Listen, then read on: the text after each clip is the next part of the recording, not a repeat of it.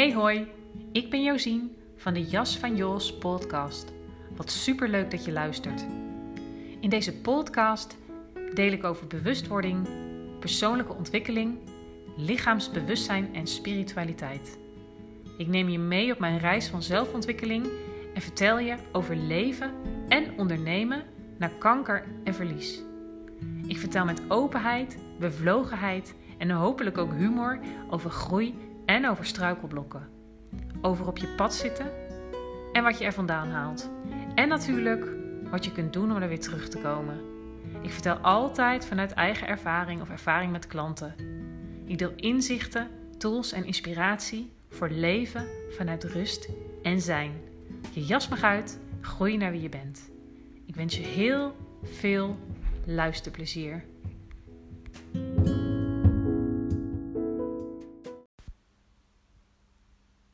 Even een korte introductie bij deze podcast. Het is een uh, beetje vreemde samenloop van omstandigheden. Het is vandaag Wereldlichtjesdag. Um, dag waarop over de hele wereld kaarsjes worden aangestoken voor overleden kinderen. Um, besteed daar altijd wel uh, aandacht aan ieder jaar. Um, natuurlijk ook om mijn eigen kind te uh, gedenken en al die andere kinderen. En natuurlijk hun ouders, uh, broertjes, zusjes. En belangrijk om daar, om daar aandacht voor te hebben, om daar aandacht voor te vragen. Vandaar ook deze podcast. Um, maar aparte samenloop van omstandigheden. Want vandaag dus Wereldlichtjesdag. Overmorgen word ik geïnterviewd door een schrijfster die een boek schrijft over uh, overleden kinderen. En uh, zal, ja, zal ze mij vragen naar mijn verhaal en mijn ervaring hierbij. En deze week is het ook 16 december, de dag waarop ik in 2016 uitgerekend was van mijn zoon Jelle de dag die altijd leeg bleef, omdat hij al eerder um, geboren werd en stierf. Um, ja, voor mij komt alles een beetje zo uh, uh, bij elkaar in deze week. En belangrijk om uh, een podcast te wijden aan rouw en liefde. En ook um, wat zo'n uitgerekende datum kan doen.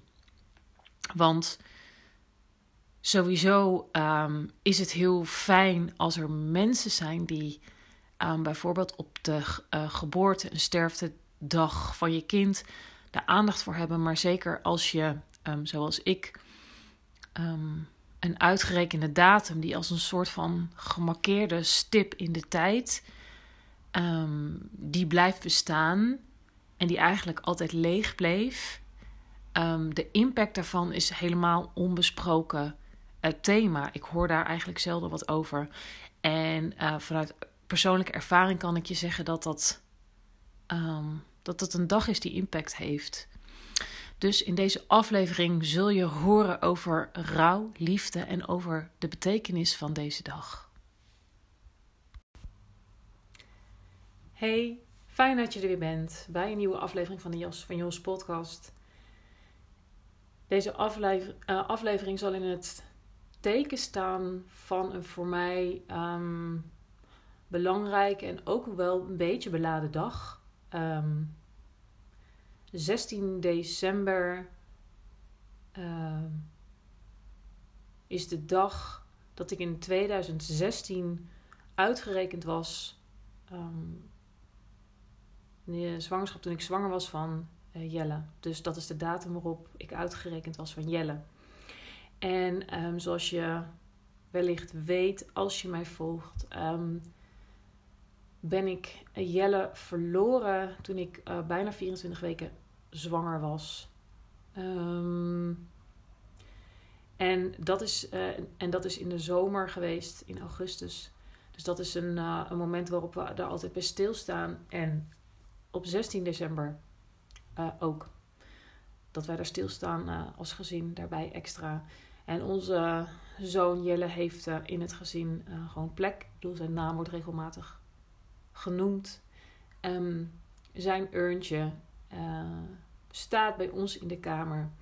Maar deze twee uh, dagen, dat zijn dagen waarop we daar even extra bij stilstaan. En um, voor mij persoonlijk is 16 december, um, ondanks het feit dat het niet de dag is waarop hij geboren werd en stierf, is het wel een extra lege dag. De dag waarop hij uh, geboren werd, dat ik beviel van hem en ook dat hij stierf, dat is natuurlijk een hele droevige dag geweest. Um, maar het, het, het voelt voor mij ook altijd vol, omdat, omdat ik daar toch ook heel veel verbondenheid heb ervaren met, met mijn kind. De verbondenheid samen met mijn partner, hoe wij uh, afsch afscheid genomen hebben, dat afscheid vormgegeven hebben. Um, hè, zeg maar, de bevalling zelf gedaan kunnen hebben, de hele uh, manier waarop wij hier bij, bij zijn begeleid in het uh, Wilmine Kinderziekenhuis.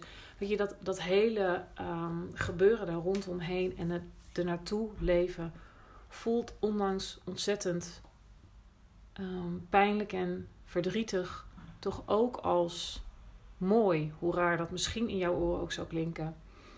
En die uitgerekende datum, 16 december, voelt um, voor mij altijd wat kil en leeg. En het is toch grappig hoe dat gaat, eigenlijk elk jaar.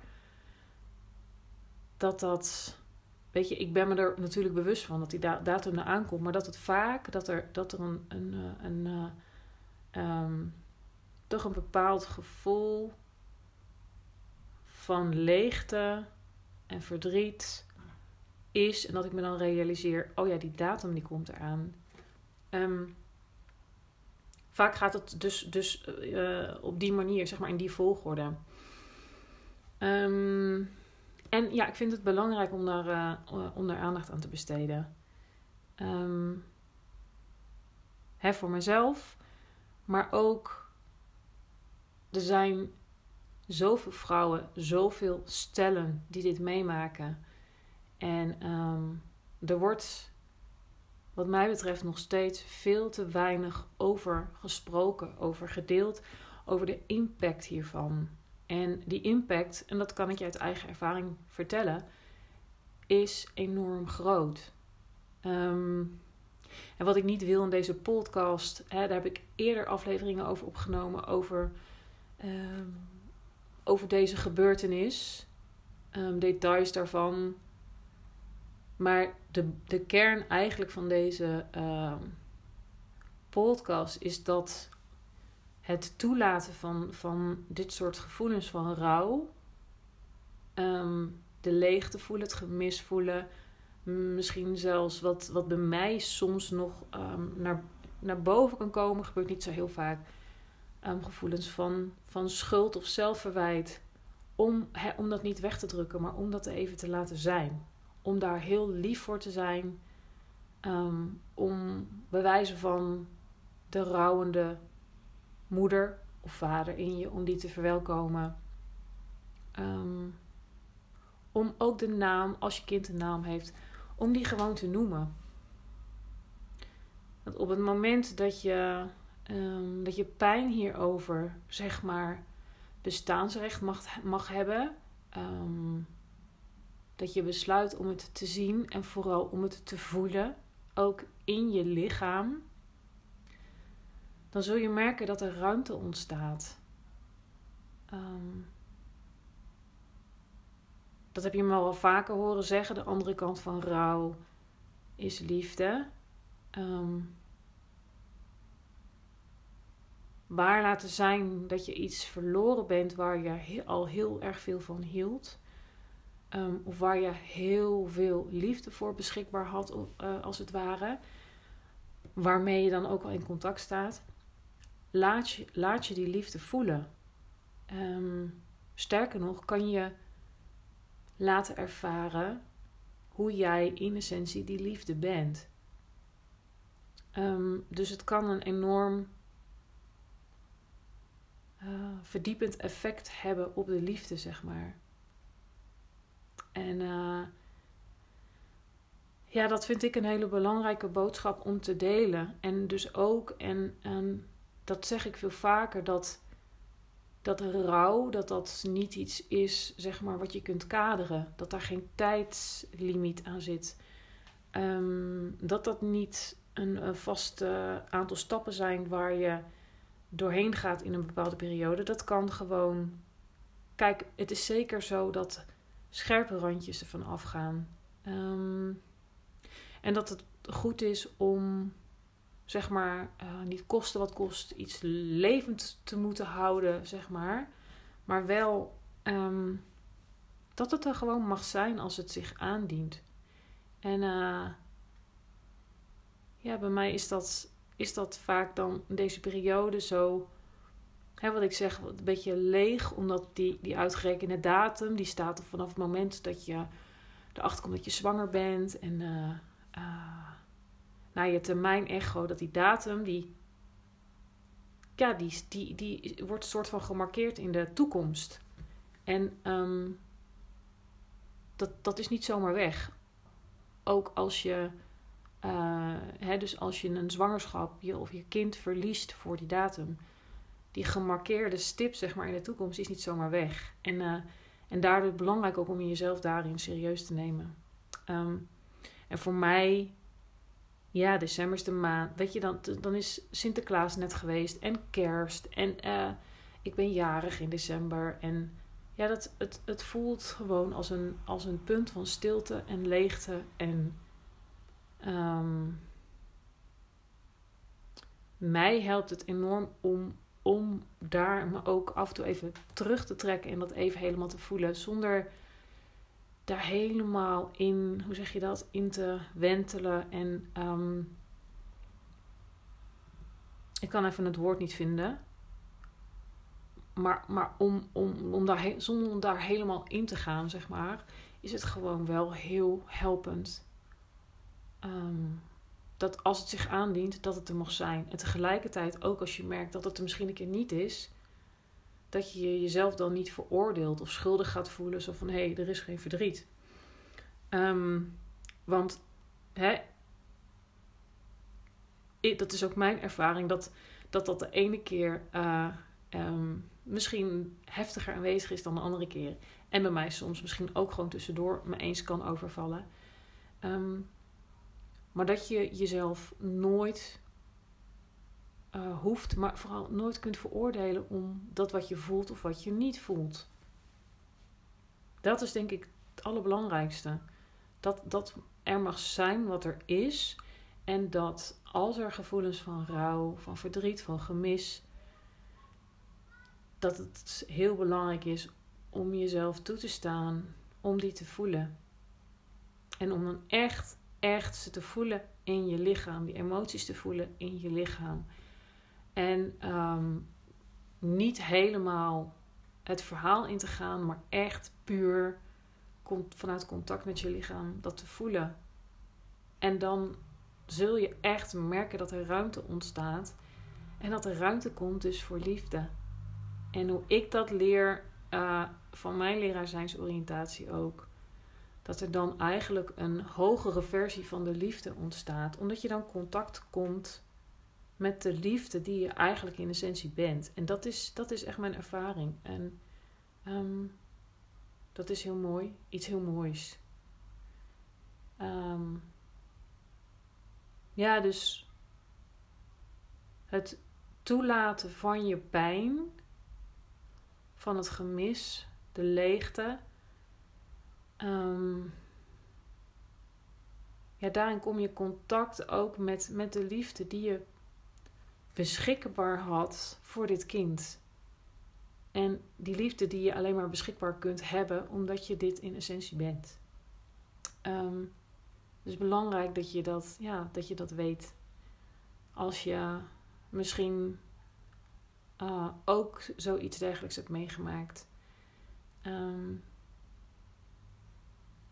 dus er helemaal ingaan en je er helemaal door laten overspoelen, dat is, dat is niet wat je gaat helpen. Maar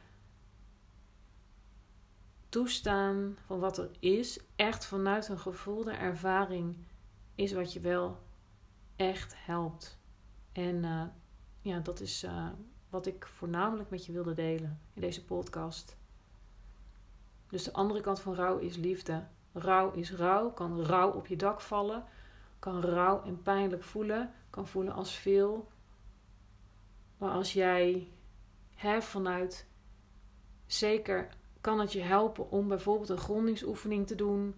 Ehm, hè, dus, dus maak eerst contact met je voeten, met je billen, met je buik. Dus voel, voel dat je aanwezig bent en kijk of het je lukt om die gevoelens toe te laten. En wat er dan gebeurt. Ehm, ja, heb je, herken jij nou het een en ander in mijn verhaal? En ehm, ja, ben je klaar ervoor of voel je behoefte om hier um, hulp bij te krijgen, gecoacht te worden, begeleiding bij te krijgen?